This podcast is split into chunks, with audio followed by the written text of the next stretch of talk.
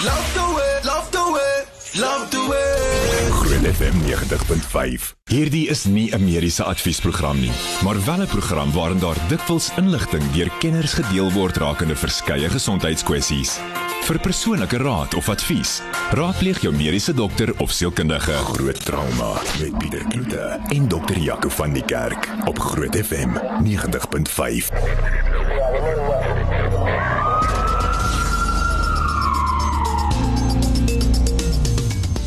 Dis groot drama baie welkom. Ek is Pieter Kloete saam met dokter Jaco van die Kerk. Jaco, welkom. Goeienaand Pieter, goeienaand almal daar buite. En uh, die wat nou nog nie weet nie wat vanaand die eerste keer na groot drama luister, Jaco is ook die direkteur van die trauma eenheid by Montana Hospitaal en ook sy eie praktyk in Montana omgewing. Mynelik in hele Pretoria. Ehm um, Jaco, kom ons begin met nuus stories. Lyk like my Tygerberg is, is die eerste staatshospitaal in Suid-Afrika wat robotiese operasies uitvoer.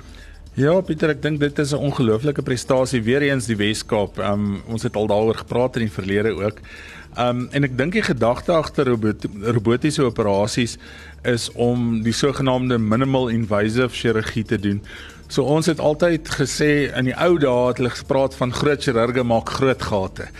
So ons begin al hoe meer wegbeweeg daarvan af. Ons begin al hoe meer na 'n um, minimale en dringende chirurgie um beweeg om so klein as moontlik wonde te maak. Dit maak dat die die komplikasies en potensiële komplikasies minder is en dit maak ook dat die pasiënt baie vinniger herstel en baie vinniger weer by die werk is. So dit het ook 'n koste implikasie vir almal. Dit is ongelooflik dat Tygerberg Hospitaal is dan Dinsdag die eerste staatsinstelling wat in Suid-Afrika robotiese operasie gedoen het. Um met die bekendstelling dan van sy Da Vinci robotiese chirurgiese program. Ehm um, so die Wes-Kaapse regering het in Oktober verlede jaar twee van hierdie robotte aangeskaf wat die mees tegnologies gevorderde chirurgiese stelsel tans beskikbaar is.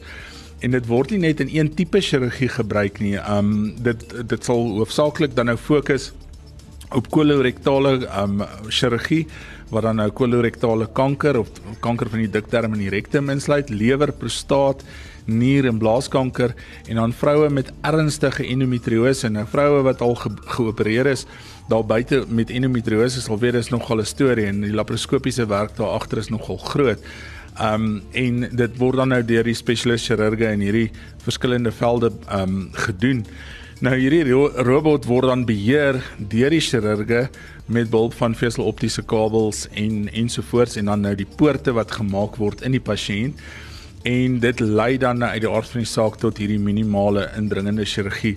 So jy kan nog steeds groot chirurgie doen deur klein gaatjies sonder groot komplikasies. En ek dink dis regtig waar 'n goeie vooruitgang vir Suid-Afrika dat ons kan sien in die staatssektor ook sulke goed gebeur. Ek dink mense dink altyd net dis die die privaat sektor wat sulke goed het. Ehm um, dis vir die chirurge ook baie beter. Hulle kry 'n mooi driedimensionele beeld van van wat hulle sien um baie makliker baie kere as met 'n oop prosedure en ek dink die operasies kan dan beter gedoen word. Dan nog 'n storie en ek weet uh, dit pas nogal in by die wat ons nou net gedoen het, net gaan oor opleiding. Um dit lyk my dat universiteite se kriteria vir medies uh is sleg eintlik. Mens kan nie seker sê dis sleg nie. Ek dink die hele ding het op die nuus gekom toe Dr. Angelique Kutse wat dan nou die voorsitter was van die Suid-Afrikaanse Mediese Vereniging, ehm um, sy het intussen bedank ehm um, na hierdie hele voorval wat sy die uitlating gemaak het dat universiteite net raskwotas gebruik om ehm um, studente te keer. Nou hulle sê Um Johan Eybers het die het die het die um artikel geskryf en hy sê dan wanneer Suid-Afrikaanse universiteite die handvol uitverkorenes kies wat medies kan studeer, kan enigiets van jou ras, hoe welgesteld jou ouers is en die plek waar jy woon, invloed hê op die besluit. En ek dink dit is dis dis baie wyd, maar ek dink tog dit het 'n effek op op die kering in Suid-Afrikaanse universiteite. Rapporte dan in die afgelope week ook um navraag gedoen by alle universiteite en almal het natuurlik nou hulle baie komplekse ehm um, keuringskriteria vir hulle gestuur. Maar aan die einde van die dag is ras maar ongelukkig een van die van die van die goed wat wat al die universiteite ehm um, gebruik. As mens gaan kyk hoeveel mense aansoek doen om medies te om medies te gaan swat um by Universiteit Wes-Kaapland of of by Maties byvoorbeeld het hulle 25600 aansoeke gedoen maar hulle het of gekry maar dit net 450 plekke.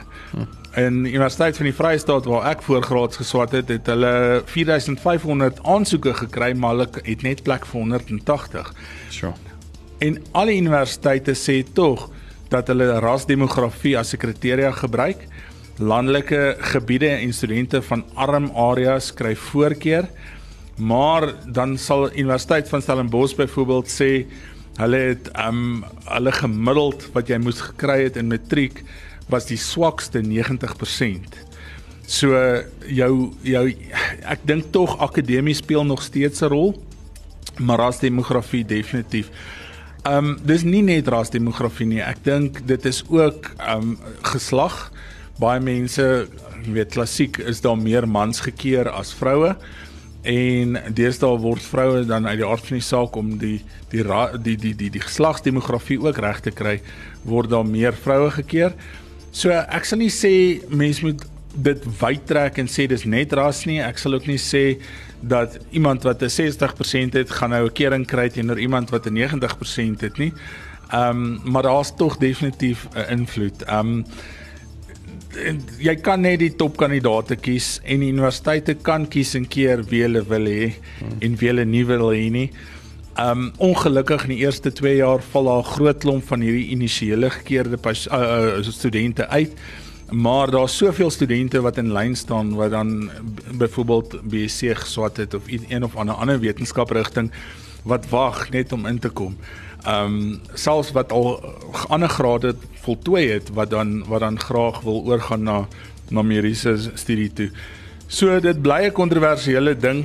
Um ek dink een van die goed is ons bly in 'n land wat daar 'n groot tekort is aan mediese personeel, dokters, verpleegsters, alle eintlik alle mediese personeel.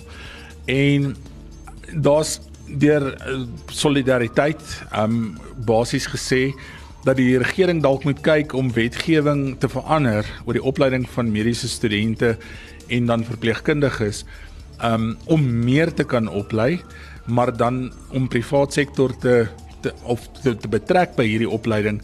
En ek dink dis 'n uitstekende gedagte, jy weet as jy iemand het wat 'n super spesialis is in 'n area en jy kan roteer by so 'n persoon, dan sien jy wat in privaat praktyk gebeur met al die toerusting tot jou beskikking, met al die proteses en ensovoorts tot jou beskikking sodat jy nie in 'n in 'n in 'n staatshospitaal opgelei word waar daar nie dalk altyd alles is nie en nou kom jy in privaat praktyk en moet ewe skielik nog aanpas daarbey ook.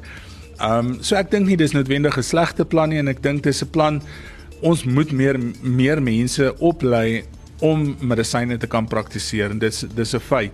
Ehm um, ek dink daar staan 'n negatiewe groei in dokters in Suid-Afrika. Ek dink daar's meer wat aftree en doodgaan in land uitgaan as wat daar as wat daar klaar maak. En ons sit al klaar met 'n krisis dat daar te min dokters is vir vir die hoeveelheid pasiënte om gesien te word. En ek dink definitief dat die privaat sektor kan dalk 'n groot bydrae lewer om goeie kwaliteit opgeleide dokters in die toekoms op te lei. So backward jam. Net hierna het ons 'n audioloog en sy gaan 'n bietjie gesels oor môre se wêreld gehoordag en dan so 'n bietjie later um, gaan ons 'n bietjie gesels met dokter Isak van Heerden uh oor 'n tegniek wat hulle gebruik oor um, en ek dink Jaco kan 'n bietjie meer gesels hieroor, so 'n bietjie meer van 'n sensitiewer onderwerp. Uh ons gaan vir 'n bietjie meer vertel daaroor so 'n bietjie later so bly gerus ingeskakel. Groot FM 90.5 I'm with you. I'm with Jou grootste FM in Pretoria. Groot trauma op Groot FM 90.5.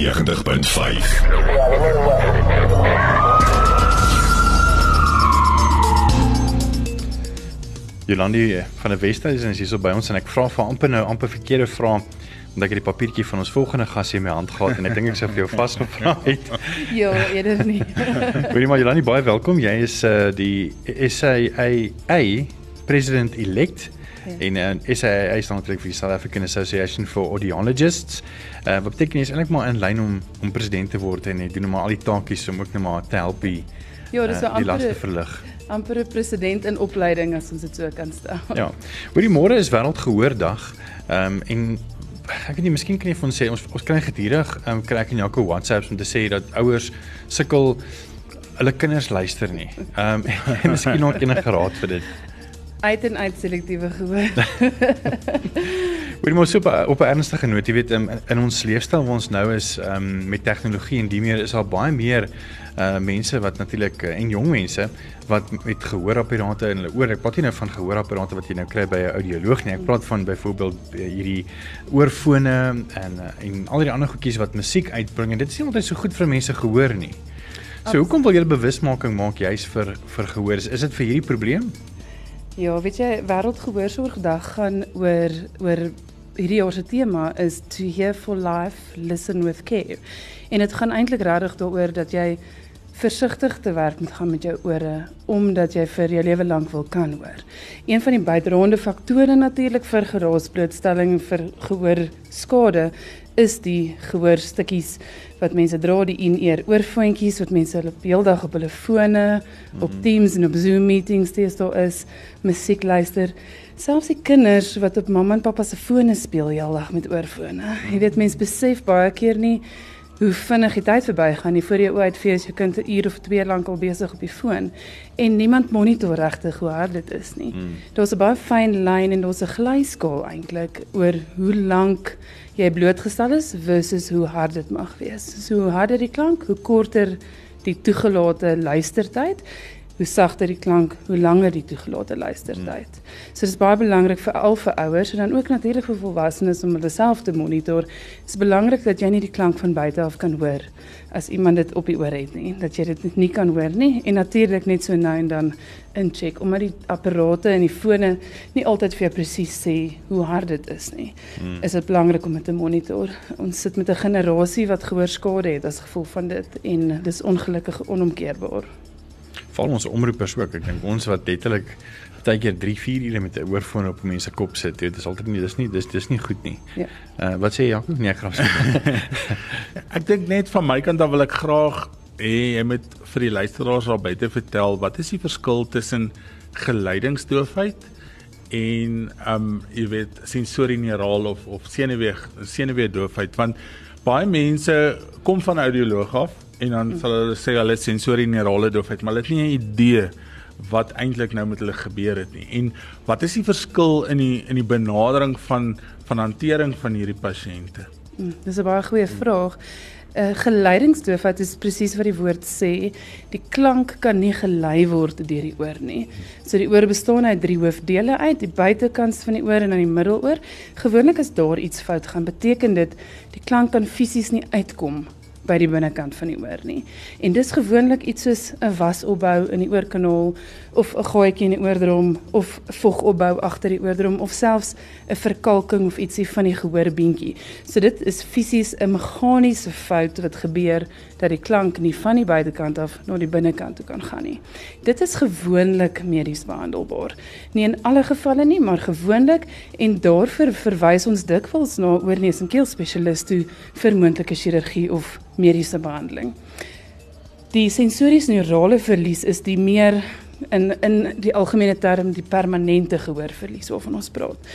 So 'n meer permanente afname wat dan behandeling vereis soos byvoorbeeld 'n gehoorapparaat, 'n kokleaire implanting of enige soort gelyke tipe toestel. So dis dis die twee hoofverskille en daarom is dit baie belangrik dat 'n mens vasstel as jy sukkel met gehoor dat jy vasstel wat is dit? Is dit die buitekant van die oor is dit 'n geleidingprobleem of is daar meer permanente skade? Want dit is nie altyd ehm um, weet 'n gehoorapparaat is nie altyd die antwoord nie en mense is huiwerig om te gaan vir hulp want hulle dink o ek wil nie nou daai die nuus hoor nie, maar eintlik is dit dalk iets wat behandel kon word. En hoe hoe sien ouers dat daar probleme is, jy weet? Watse identifikaat identifikasiefaktore is daar waarna ouers kan uitkyk, veral met kinders byvoorbeeld wat doof is? Ja. So baie eh, baie spesifiek hierdie selektiewe grappie wat ons nou nou gemaak het. Kinders wat lyk asof hulle selective hearing het. Daai wat hy hoor jy of hy luister nie vir jou nie, maar jy's ook nie seker het hy jou gehoor of het hy nie geluister nie. Dis so dis definitief 'n ding. Dit kan ook net 'n um Stout. 'n kinderding wees, maar as jy wonder is dit altyd goed om te kyk.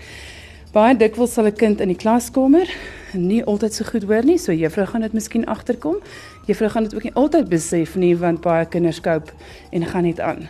Ehm um, so weet dit dit is ook nie 'n 'n uh, definitief nie. Spraakontwikkeling kan dikwels geaffekteer word, veral in die jonger groep, so onder, jy weet, onder 5 jaar oud omtrent, 6 jaar.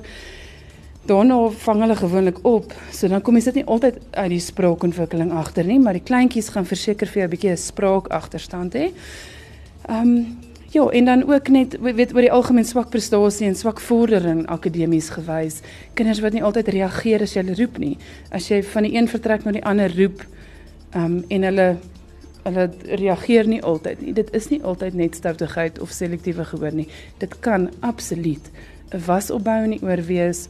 Dit kan 'n bietjie volgende middel oor wees dit baie algemeen is onder kinders.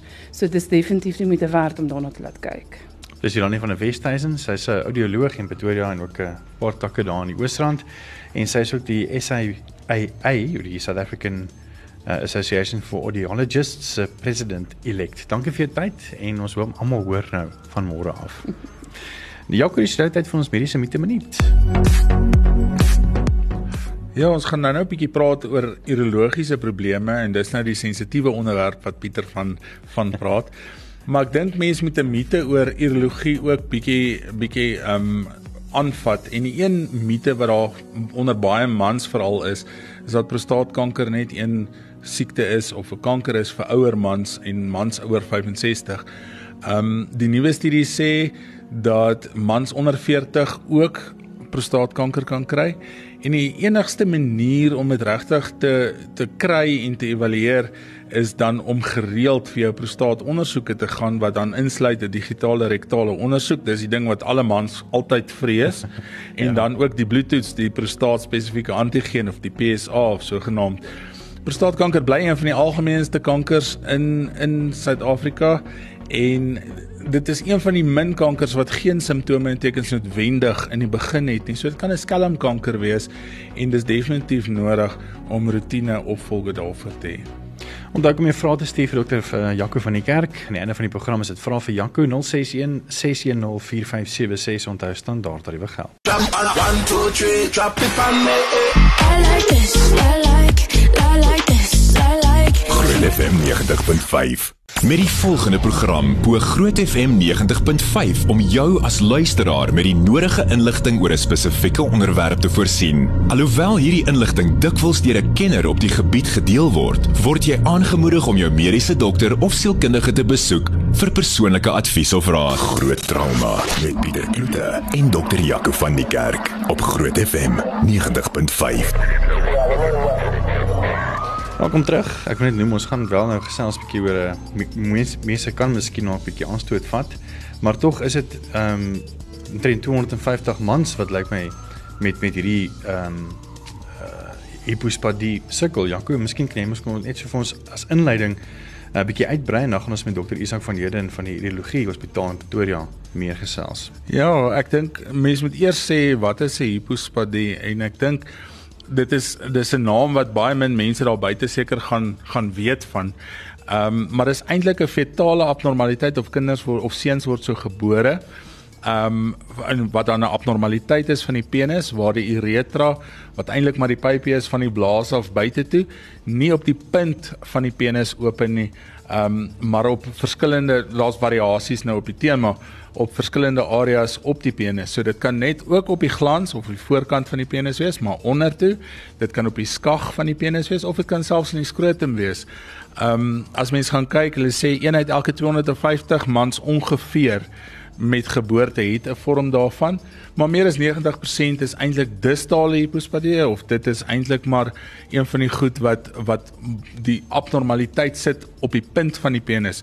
En ek dink daar's 'n groot klomp kinders wat lank rondloop ehm um, waar die ouers dit nie agterkom nie omdat hulle nie die die voorvelletjie terugtrek ehm um, as kind nie en baie die die seentjies word gebore ook met ehm um, met voorvelletjies wat nie terugtrek nie. So hoeveel van daai kinders kom later eers by julle as spesialiste uit. Dis nogal 'n interessante konsep daai en dit is omtrent enige in enige gemeenskap, in enige kultuur as, as daar 'n kind gebore word, as dit 'n seentjie is, dan kyk die ma of hy tone en vingers het of sy ore reg sit en hoe lyk sy genitalie. Ja. Met ander woorde, um, genitale afwykings by seuns word nie eintlik maklik gemis nie. Hmm. As daar bietjie van 'n abnormaliteit is, dan kom die ma agter hierdie lyk nie reg nie. Mm. En sy sal so kind byvoorbeeld uh, om na die uh, dokter toe vat en sê sy wil 'n sirkumsisie hê, mm. want hierdie vel, die voorvel lyk vir haar abnormaal. Mm. Ek dink dit is belangrik om te om om te weet hierdie is nie 'n penisafwyking nie. Mm. Nie afwyking van die penis nie, is 'n afwyking van die uretra. So die mm. penis is normaal want dit is die vrees van die ouers. Is dat hierdie kind is met 'n abnormale genitalie gebore en hy gaan nie eendag kan normaal funksioneer nie. So dis die eerste ding wat die ouer moet weet om dit reg te maak.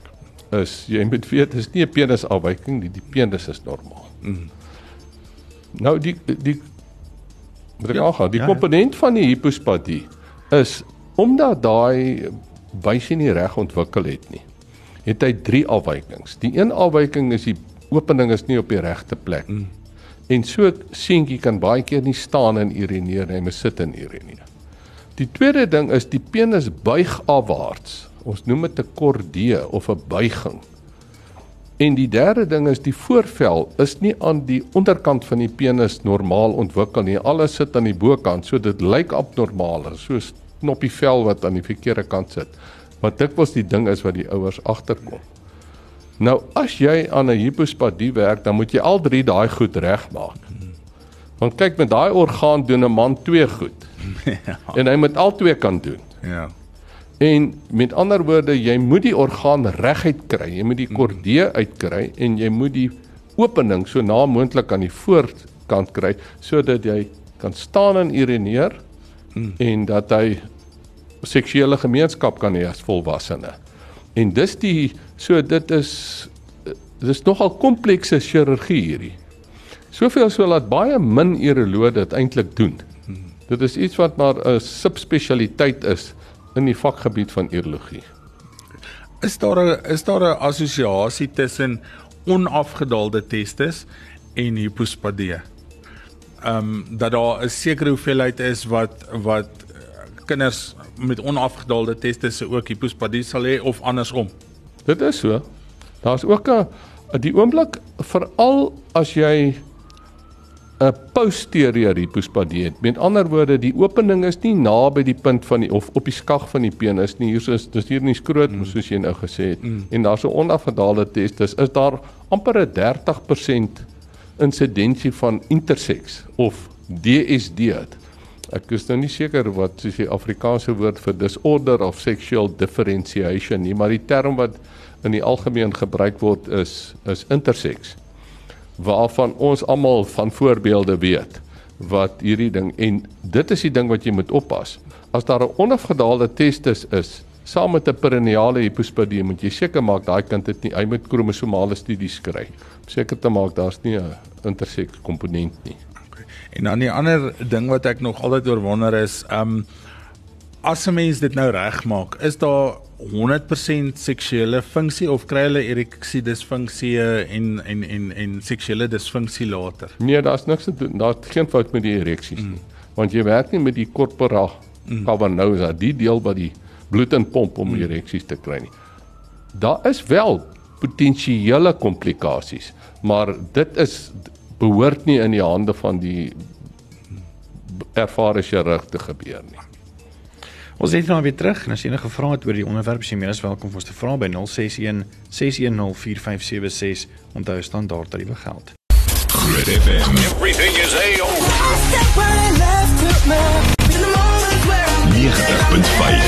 Groot trauma met Pieter Kloete en dokter Jaco van die Kerk op Groot FM 90.5.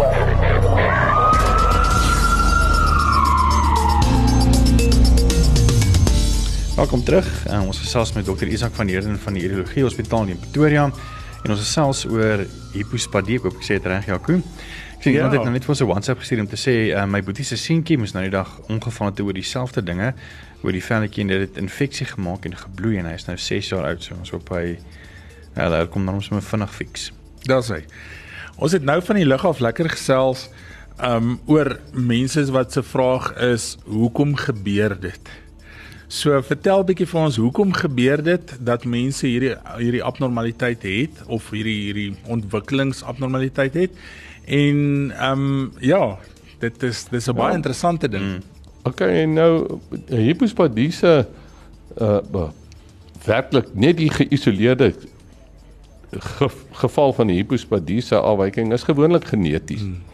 Die distale hipospadie kry ons dikwels nie 'n duidelike oorsaak voor nie, maar die proksimale hipospadie is op genetiese vlak. Dis natuurlik die toekoms van medisyne. Ons gaan eendag geen manipulasie doen. Ons gaan nie chemoterapie gee en opereer vir die kankers nie. Ons gaan die gene afskakel wat die kanker veroorsaak en dis dieselfde ding wat nou hier gebeur. Nou ek ek dink ek moet net hierdie klein stukkie agtergrond gee van die ontwikkeling van die genitalie.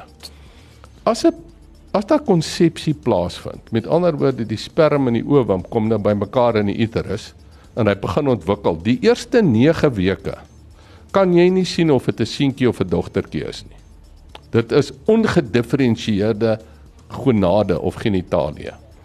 En dan op 9 weke as dit 'n seentjie is, dan begin daai testis testosteroon afskei. Dit moet binne 'n kritieke 18 ure periode na konsepsie gebeur. En as dit gebeur tot so 13 weke, dan ontwikkel daar 'n seentjie fisies en psigies. Sy brein word ook verander in 'n seun se brein en sy genitalie ontwikkel. As daar nie testosteroon afgeskei word nie of daar is nie reseptore om te reageer op die testosteroon nie, dan word daar 'n dogtertjie gebore. Onafhanklik van die kromosome. Of dit nou 'n XX of 'n XY is, as daar nie testosteroonstimulasie plaasvind nie, dan bly jy 'n dogtertjie. So jou die verskil tussen 'n man en 'n vrou is of daai baba in utero 'n testosteroonstimulasie gekry het waarop hy of sy gereageer het. Hmm. So uh, dis eintlik 'n en dis 'n wye spektrum van afwykings wat nou daar 'n rol speel waar as jy nou in hierdie goed begin werk wat 'n groot deel van jou werk is hmm. en wat natuurlik katastrofiese gevolge het en waar daar so baie mense van is laat daar nou al mans, vrouens en ander toilette is. Dis waar. So daar's so, klomp mans wat met uterus rondloop en klomp vrouens wat met met ehm um, met manlike interne organe kan kan kan rondloop. Eksterne organe. Mm, wel, eksterne organe kan ja. rondloop. Jy sien uh nie baie nie. Jy sien nou daar's 'n klomp, maar uh daar's 7.2 biljoen mense op aarde. Ja. So daar moet 'n hele paar honderd duisend of 'n miljoen, 'n paar miljoen wees, nie. Ja. Net weer terug te kom na die um hipospadie. Hipospadie. Ehm um, wat is die hersteltydperk van na operasie? OK, nou goed, eh, eh, eh, die, die, die belangrike vraag is wanneer moet hy reggemaak word? Hmm. As 'n kind met 'n hipospadie gebore word, is my aanbeveling hy moet die rekonstruktiewe chirurg of uroloog sien. Hierdie resorteer onder urologie. Moet hy sien op 3 maande ouderdom. Want enige tyd van 4 maande tot 'n jaar is die ideale tyd om die hipospadie reg te maak. Jou genesing en jou resultaat is net soveel beter. Aan die ander kant, 'n volwassene wat hipospadie het, herstel ek omtrent nooit nie, want jou kans op chirurgie, hy het nou geleef daarmee, hy moet maar aanleef daarmee. Jou kans op chirurgiese herstel is daar, maar dit is baie baie minder. So jy wil eintlik hierdie goed in utero. Nou ek beplan dit so, baie keer moet dit in stadiums gedoen word. En die genesing van nie 100% plaas elke keer nie. So ek probeer Ek sou sê ideaal moet jy op 4 tot 6 maande die eerste operasie doen sodat al die chirurgie teen 2 jaar voltooi is. Dis die ideale tyd. Um, net 'n vraag vir iemand um, en dis nou ook vir dokter Jaco van die kerk of dan vir dokter van Heerden is dat as die geslag niks met X en Y kromosome te doen het nie, hoe kan um, fertiliteitsspesialiste dan vir pasiënte die geslag kies byvoorbeeld? Die antwoord is nie dat dit nie niks daarmee te doen nie maar dis nie die bepalende faktor nie.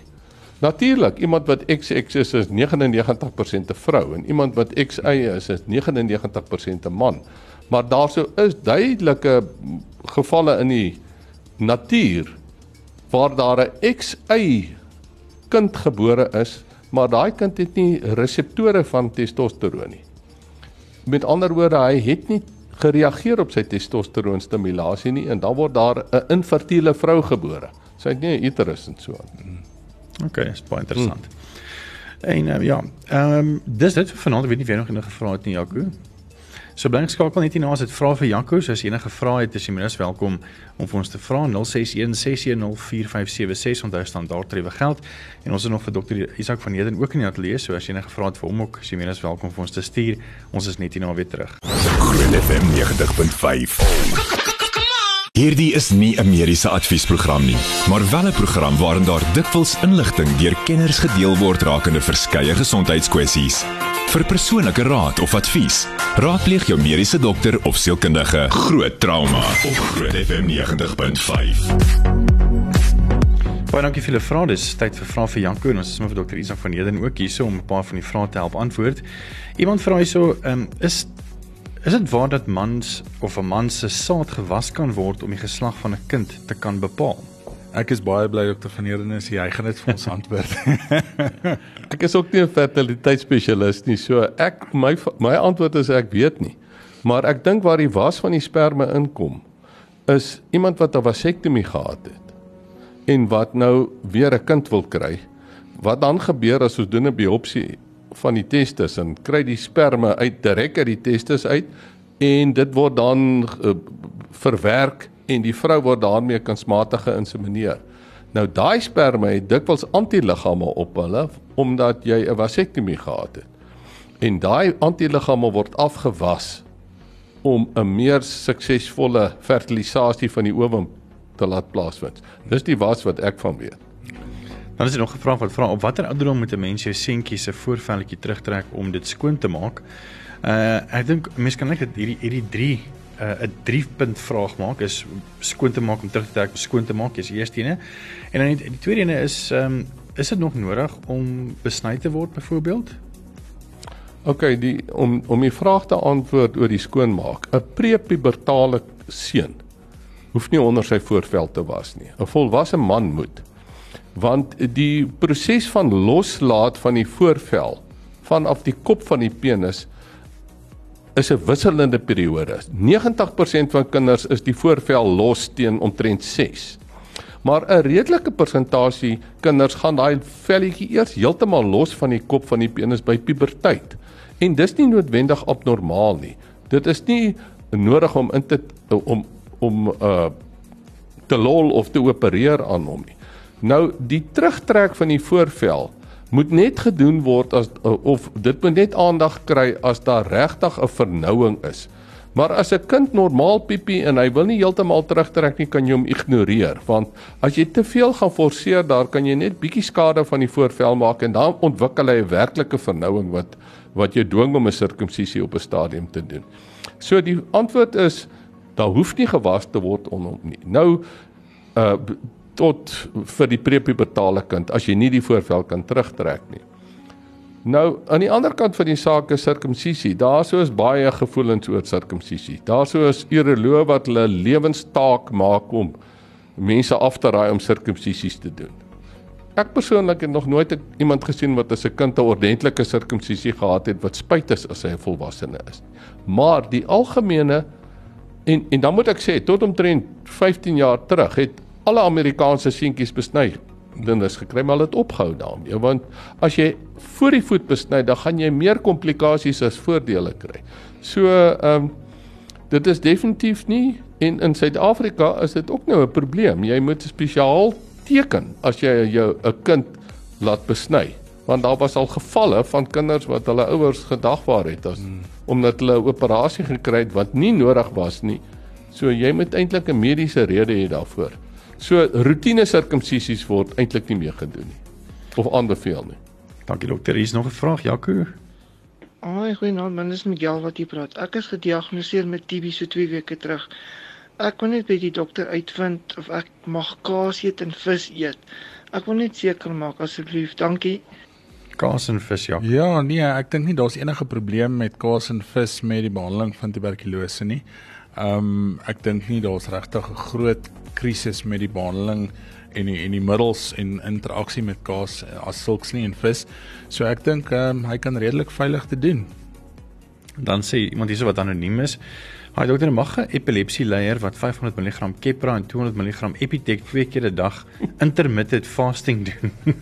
Ja, die, die groot ding is daai intermittent fasting dit hang af hoe lank jy dit doen. Dit hang af van 'n van 'n redelike klomp goed, maar die die geneesmiddels wat geneem word nie noodwendig 'n uh, 'n probleem nie solank jy jou geneesmiddels neem. Kyk, daar's 'n klomp mense wat glo as hulle gaan vir 'n operasie, dan moet hulle nie hulle kroniese medisyne drink nie. Ehm um, en dan kom almal in die teater en dan het hulle ewe skielik 'n bloeddruk van 200 op 120 en dan wil jy narkotiseer nie narkose gee nie en en en. So mens moet jou kroniese medisyne drink alhoewel jy kan intermitterend vas, moet jy nog steeds jou kroniese medisyne inneem. Dis die een ding, maar ek dink nie daar's enige krisis in terme van intermitterende vas met ehm um, met met met kroniese medikasie gebruik saam met dit nie. En dan net nog 'n vraag hierso naand julle. Ek is nou 66 jaar oud. My vraag is of prostaatkanker oorerflik is. Die antwoord is daar's definitief 'n genetiese komponent.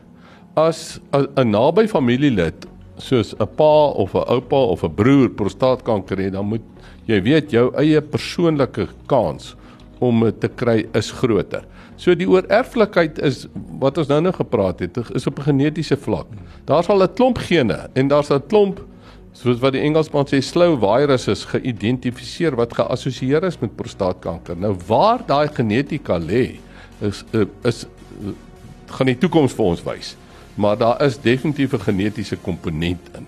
Ek dink 'n belangrike deel van daai vraag is ook hoe gereeld um, moet hulle in aanhalingstekens die aaklige ondersoek gaan en ons het nou voor die program daaroor gesels oor hoekom is dit vir mans aaklig nou ek dink mense moet dit sekerlik jaarliks minimum doen maar um, mense moet dit nie as 'n aaklige toets of toets of 'n ondersoek sien nie vertel ons bietjie kyk uh, die mens kan prostaatkanker kry voor 40, maar mm. minder as 1% van prostaatkankers is voor 40.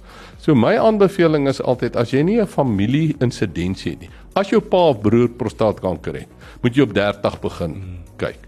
Anderster sou ek voorstel op 40, as dit alles normaal is op 45 en as dit weer alles normaal is van 50 af eenmal 'n jaar. Dis maar net 'n 'n 'n tipe aanbeveling wat ek gewoonlik vir my pasiënte gee. Nou, ek wil net bietjie sê hierdie vrees vir die rektaal ondersoek is nie vrees oor dit pynlik is nie en ek dink elke man moet nou net so 2 sekondes sit en dink dit is vrees vir inbraak op jou persoonlike spasie. Ek meen nou meeste mans hou nie eers daarvan as 'n ander man om 'n drukkie gee of sy arm om sy skouer sit of so nie dit sit hom so bietjie af. Ja. Hoeveel te meer nog as iemand sy vinger in jou liggaam indruk. Ja. Jy weet so dit is jy moet net jou kop daaroor kry. Hmm. Laat ek beleef dit as 'n inbraak op my persoonlike spasie en dit is nie regtig dit nie. Want waarvoor is ek die bangste vir inbraak op my persoonlike spasie of om dood te gaan aan prostaatkanker? Jy moet vir die regte ding bang wees. Jy moet nie vir die verkeerde ding bang wees. Ja, nou mense moet dit sien as 'n ondersoek. Um ek dink dit is vir daai persoon 'n individuele ding, maar vir die vir die dokter wat dit doen, Ehm um, is dit so algemeen. Ek ek lag en ek in my in my gemoed nou want ek het 'n ehm um, klas gehad by 'n trauma chirurg wat gesê daar's net twee redes hoekom jy nie rektale ondersoek moet hê nie. En die een is die pasiënt het nie meer 'n anale opening nie en die tweede een is jy het nie meer 'n vinger nie, maar die res moet almal kry. Jy weet, so dit is so algemene ondersoek en dit is nie snaaks vir die dokter om 'n rektale ondersoek te doen nie. Dit is nie vir hom 'n snaaksigheid nie, dis 'n normale kliniese ondersoek soos enige ander kliniese ondersoek soos om 'n bloeddruk te neem. Ehm um, dis vir daai man wat soos dokter van Heerden nou sê, ehm um, 'n ding wat hy sy kop om moet kry. Dr. Janko van die kerk, uh, saam by mede-aanbieder en natuurlik uh, Dr. Isak van Heerden van die uh, uroloog by die urologiese hospitaal in Pretoria wat ons vanaand ehm um, geselskap gehou het. Hierdie pot gooi sal so teen die einde van die week op ons webblad weet as uh, wees as jy dit graag wil luister. En ons is weer môreoggend tussen 5 en 6 saam met jou. Groot FM. Maak my sommer gelus. Waar is my ding nou? 90.5